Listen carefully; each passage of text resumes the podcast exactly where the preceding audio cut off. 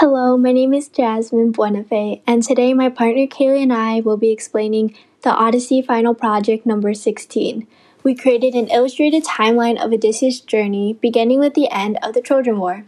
Along with that, we hand drew five of our favorite episodes. This project took us over 17 hours.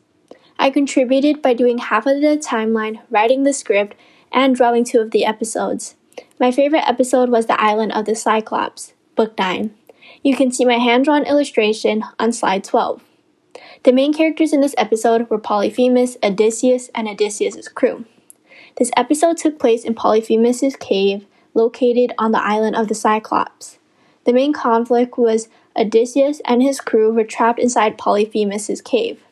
The episode was important to the understanding of the book because it highlighted Odysseus' positive and negative heroic traits.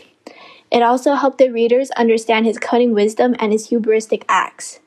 With a strategic plan, Odysseus claimed his name as nobody, so he would not be responsible for his actions nor be punished by the gods. However, Odysseus wanted everyone to be aware of who blinded Polyphemus, so he confirmed his kleos.